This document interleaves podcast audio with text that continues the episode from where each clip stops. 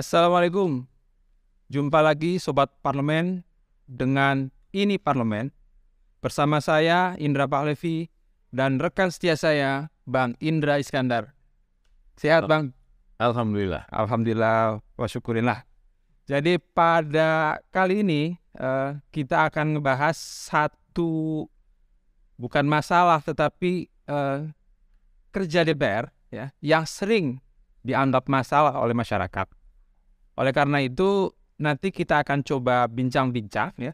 Selain dengan host expert di sebelah saya ini, kita kedatangan tamu istimewa hari ini ya. Selain ada masyarakat, kita kedatangan salah satu anggota DPR yang sangat dicintai oleh netizen khususnya. Wah, amin raya. Amin, amin, amin. Ya, amin. kira-kira gitu. Iya, iya, iya. Di hadapan saya ada dua narasumber. Yang pertama Kang Maman Suherman. Sehat selalu. Sehat alhamdulillah. Ini itu Indra and Indra. Indra, Indra, Indra. Boleh ini kita jadi Ah. Andy. Indra and Indra. Kita ini Pak Dan yang tadi saya sampaikan Kang Farhan. Selamat datang di acara saya. Oh, tidak. Yes, ini karena beliau ini dulunya jadi host biasanya. Jadi Mas Indra, Bang Indra, eh, Kang Maman, saya tuh ngeliat sekarang istimewa. Para pejabat publik itu dipaksa untuk menjadi eh, pembicara publik seperti beliau-beliau ini. Dulu zaman saya masih jadi pembawa acara, mana boleh bawain acara, harus jadi narasumber. Dan kita yang diktein. Sekarang dibalik. Oke, siap. Oke, gitu kira-kira. Iya kan? Ya. Jadi kita mulai dari eh, Kang Farhan nih, Siap. anggota dewan. Karena kita ngomongin reses, Mhm. kira-kira ya eh, selama sekitar empat tahun jadi anggota dewan, itu apa sih ya yang dilakukan oleh Kang Farhan di setiap masa reses? Eh, kita bagi dua periode. Periode eh, pandemi dan pasca pandemi. Kalau mas eh, masa pandemi, terima kasih kepada pimpinan DPR dan juga sekjen DPR, itu kita diperbolehkan memberikan bantuan berupa sembako. Karena sebetulnya reses sebetulnya nggak boleh berupa bantuan sembako awalnya kan. Iya. Tapi ada kompensasi seperti itu, maka yang kita lakukan adalah keliling ke setiap titik eh, kantong masyarakat, terutama di RW-RW yang memiliki rumah eh, apa namanya rumah isolasi Oh isolasi. rumah isolasi untuk penderita COVID. COVID di RW tersebut. Kerjasama dengan Eh, dengan RW, RW ya. RW, karena kita harus kerjasama dengan RW. Nah, dari RW tahu bahwa di RW saya ada Pak satu rumah isolasi, ya udah kita ke sana drop bantuan. Itu yang kita lakukan resesnya seperti itu dan sangat terbatas pertemuan maksimum lima orang bahkan eh, memberikan bantuannya aja jarak jauh gitu. Oh, nggak dilempar sih, tapi jarak jauh lah gitu, nggak ada upacara-upacara. Tapi pasca pandemi, terutama memasuki tahun 2022 masuk ke masa sidang tahun eh, bulan apa ya? Eh, setelah lebaran lah. Setelah lebaran 2022. Nah, kita lebih cair itu. Kita mulai melakukan pengumpulan-pengumpulan lagi kembali ke eh, kegiatan utama yaitu dalam reses eh, mendapatkan aspirasi masyarakat. Caranya gimana tuh? Kumpulin kembali di ruang-ruang RW. Saya selalu di ruang-ruang RW. Oh, Eh, karena dengan ruang-ruang RW itu memang daya tampungnya sedikit tetapi menjadi sering. Jadi sehari dalam sekali reses itu saya bisa 6 sampai 8 titik. nah itu kan wilayahnya kan Bandung Raya. Bandung dan Cimahi, kota dan Bandung Cimahi. kota Cimahi. Ya. Itu habis dalam satu kali masa reses di Kucing. Nggak, nggak mungkin, nggak mungkin. Jadi saya itu kalau dilihat secara data ya, eh, perolehan suara saya itu pribadi Iya. itu 4,7 persen dari DPT di kota Bandung kota Cimahi. Sampai dengan bulan eh, Maret 2000, eh, Februari 2023 berdasarkan data saya baru menyentuh 4 persennya. Masih jauh dong. Masih 0,7 persen yang belum saya sentuh gitu itu itu udah mau tiga tahun ya jadi dua setengah tahun nah hal itu dilakukan dengan cara yang memang sangat sangat eh, detail dan memang agak kurang menyenangkan untuk beberapa kelompok politik tertentu gitu. Jadi caranya gini saya Eh, sejak saya mulai menurunkan eh, kegiatan reses lagi itu kan dalam setiap kali reses saya juga sekalian tidak hanya mendengarkan eh, apa Aspirasi. aspirasi tapi juga menyalurkan bantuan. Karena kadang-kadang kita kan bekerja sama dengan para mitra-mitra kerja kita. Contohnya Kementerian Kesehatan membagikan eh, program makanan tambahan PMT untuk posyandu. Kemudian memberikan juga misalkan eh, dinas pemberdayaan perempuan Pelindungan Anak dan Keluarga Berencana Provinsi Jawa Barat memberikan bantuan timbangan untuk bayi gitu. Nah, waktu disalurkan itu pada upacara tersebut, eh, kita ya karena kita ini eh, anggota parlemen jauh lebih fleksibel secara protokoler. Maka tiga minggu kemudian saya pasti akan mengutus tim survei ulang untuk menanyakan berdasarkan daftar hadir itu berapa orang yang betul-betul menerima, berapa orang yang cuman ada di daftar hadir tapi nggak terima apa. Banyak itu pak. Di awal-awal itu ada ada beberapa kelurahan yang efektivitasnya cuma 35 persen. Jadi kita salurkan 100 bantuan. Yang 65 persen ke mana? Eh, diambil sama si pengurus-pengurus itu. Oh, langsung juga pengawasan juga berarti. Oh ya, kan fungsi kita pengawasan. Ya, artinya ada risiko juga ketika melakukan kunker eh, berkolaborasi dengan Reses itu ah, hilang, potensi itu hilang Hilang. Ada ya. hilang gitu. Tapi memang artinya gini, sebagai anggota DPR yang dipilih oleh rakyat, maka kami mengutamakan ini terus terang aja nih, rakyat atau konstituen yang memilih kami. Seperti itu. Menurut saya sih memang eh, orang nggak banyak tahu, masyarakat nggak banyak tahu apa yang dilakukan oleh eh, anggota DPR ketika masa reses. Iya, memang agak susah kita melakukan sosialisasi gitu. Persoalannya, persoalannya bukan cuma soal tahu, Iya. soal tidak tahu. Tahu tapi salah. Dalam artian gini, ini kan legislator. Ya. Kok menjalankan fungsi eksekutif, Iya, iya. memberikan bantuan langsung misalnya. Ya. Nah kalau semua nanti konstituen menganggap semua anggota DPR yang datang turun Ya. harus bawa sesuatu, lalu apa bedanya dengan eksekutor? Nah, Eksekutif. ya. Ditahan dulu, Kang Farhan ya. Saya mau minta komentar Bang Indra sebagai rekan saya ya. Jadi sebagai dukungan kepada eh, DPR, sejatinya kan DPR punya mekanisme kerja Pak. Jadi eh, seperti apa sih mekanisme kerja DPR, termasuk juga dukungannya ketika masa reses eh, dimiliki oleh anggota untuk turun ke daerah pemilihan.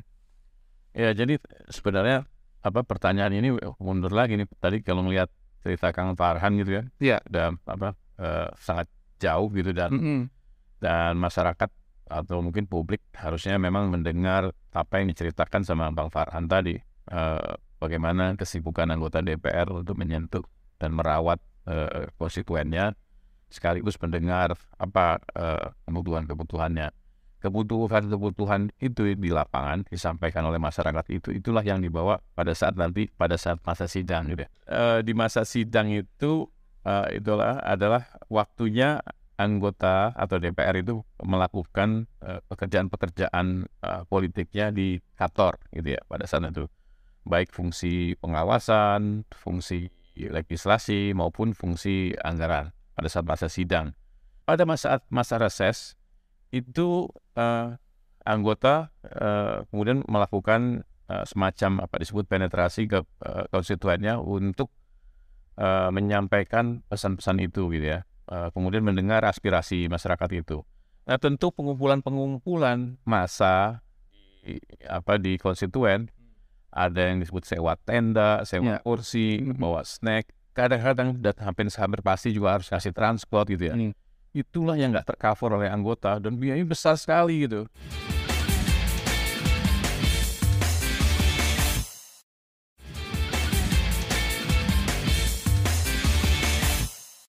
Pada kali ini saya ingin coba mengeksplor apakah anggota DPR itu ke daerah hanya pada masa reses. Enggak, Enggak ya. tidak, sangat, jangan. Eh, karena gini, saya tuh beruntung sekali karena dapil saya dari kota Jakarta hanya dua jam tiga jam. Kalaupun macet paling lama tujuh jam. Macet. Pas lebaran gitu ya. Enggak cuma lebaran, Oh enggak cuma weekend juga. Oh iya gitu. Nah, eh, jadi eh, selalu mudah disentuh gitu. Bahkan kemudian saya pun sering mengundang konstituen untuk datang ke, ke kantor saya itu. Kemudian saya eh, entertain lah dengan pernah lihat yang namanya gedung kura-kura nggak? Seperti apa sih yang namanya suasana sidang dan lain-lain. Bang Indra, pertanyaan yang sama sebetulnya. Kita eh, butuh penjelasan juga di masyarakat nih. Kalau anggota DPR ke daerah itu, kata Kang Farhan tadi, tidak hanya pada saat masa reses. Sebenarnya seperti apa sih, Kang? Kalau sebenarnya ada dua ya pada saat masa reses itu eh, memang eh, ada apa anggaran yang disiapkan reses yang tadi saya eh, duga itu sangat kecil sebenarnya untuk untuk sebuah operasional dalam satu dapil. Iya. Tapi ada juga eh, pada masa sidang juga eh, dimungkinkan eh, anggota tuh eh, melakukan pulker-pulker gitu yang terprogram ya. Tapi itu biasanya tidak sendiri gitu ya. Itu dengan dengan alat lengkapan dewannya. Kayak iya. Bisa dengan eh, komisi, bisa dengan eh, badan gitu ya. Jadi itu bisa dilakukan juga. Tapi eh, yang tadi disampaikan Bang Farhan itu memang tentu eh, satu keberuntungan ya karena DPR dari Bandung itu jarak tiga jam gitu ya sehingga kapan pun eh, bisa menyapa konstituen, mendengar konstituen. Nah kan eh, yang eh, selama ini dilakukan oleh eh, dewan anggota dewan itu pada saat masa eh, masa sidang itu mereka eh, dengan mitra-mitranya itu eh, selalu menyampaikan apa yang terjadi di masyarakat yang harus diperbaiki, yang harus dipenuhi segala macam gitu ya. Nah sehingga memang eh, rasanya tidak cukup pada saat hanya masa reses mendengar aspirasi, kadang-kadang eh, komunikasi itu lebih banyak. Nah makanya eh, anggota dewan juga ada di eh, di apa didampingi dengan tenaga ahli tenaga ahli tenaga ahli yang itu eh, selalu apa, eh, mendengar denyut masyarakat. Nanti disampaikan kepada anggota dewan untuk disampaikan kepada mitra kerja gitu masalah-masalah apa yang terjadi gitu. Sehingga memang Iya. eh, tidak heran kalau pada saat masa sidang di rapat eh, dengan eh, mitra bisa dengan menteri bisa dengan Iya. apa lembaga-lembaga lain itu eh, tumpukan pertanyaan banyak sekali gitu, dan itu harus diselesaikan. Dan, dan itu kan eh, pada saat masa sidang selanjutnya akan ditanyakan lagi tindak lanjutnya gitu ya.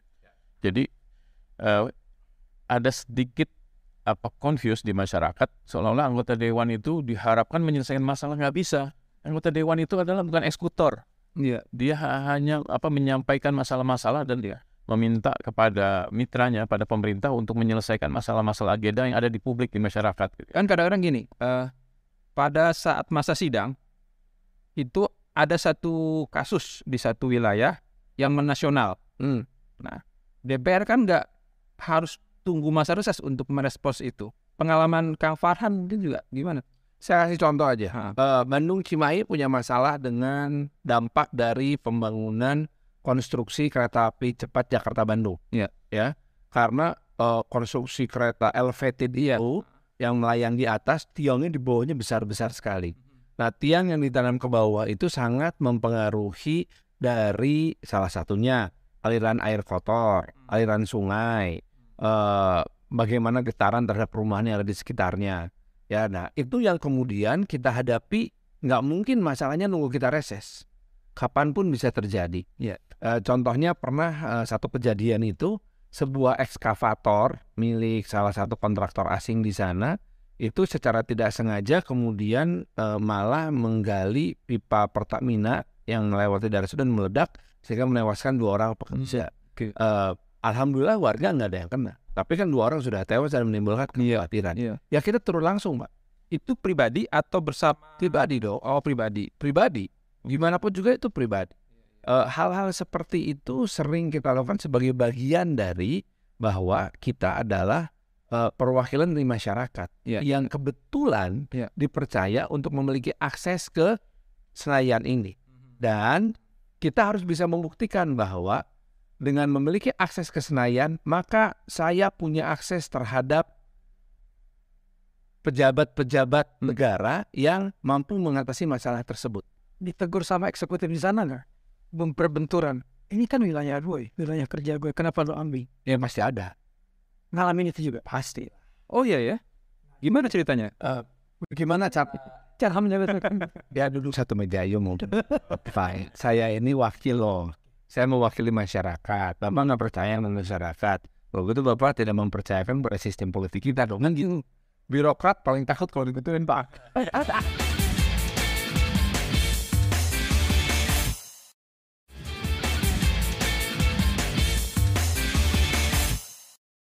Nah sekarang saya mau coba tanya ke Bang Indra nih eh, agak sedikit serius nih.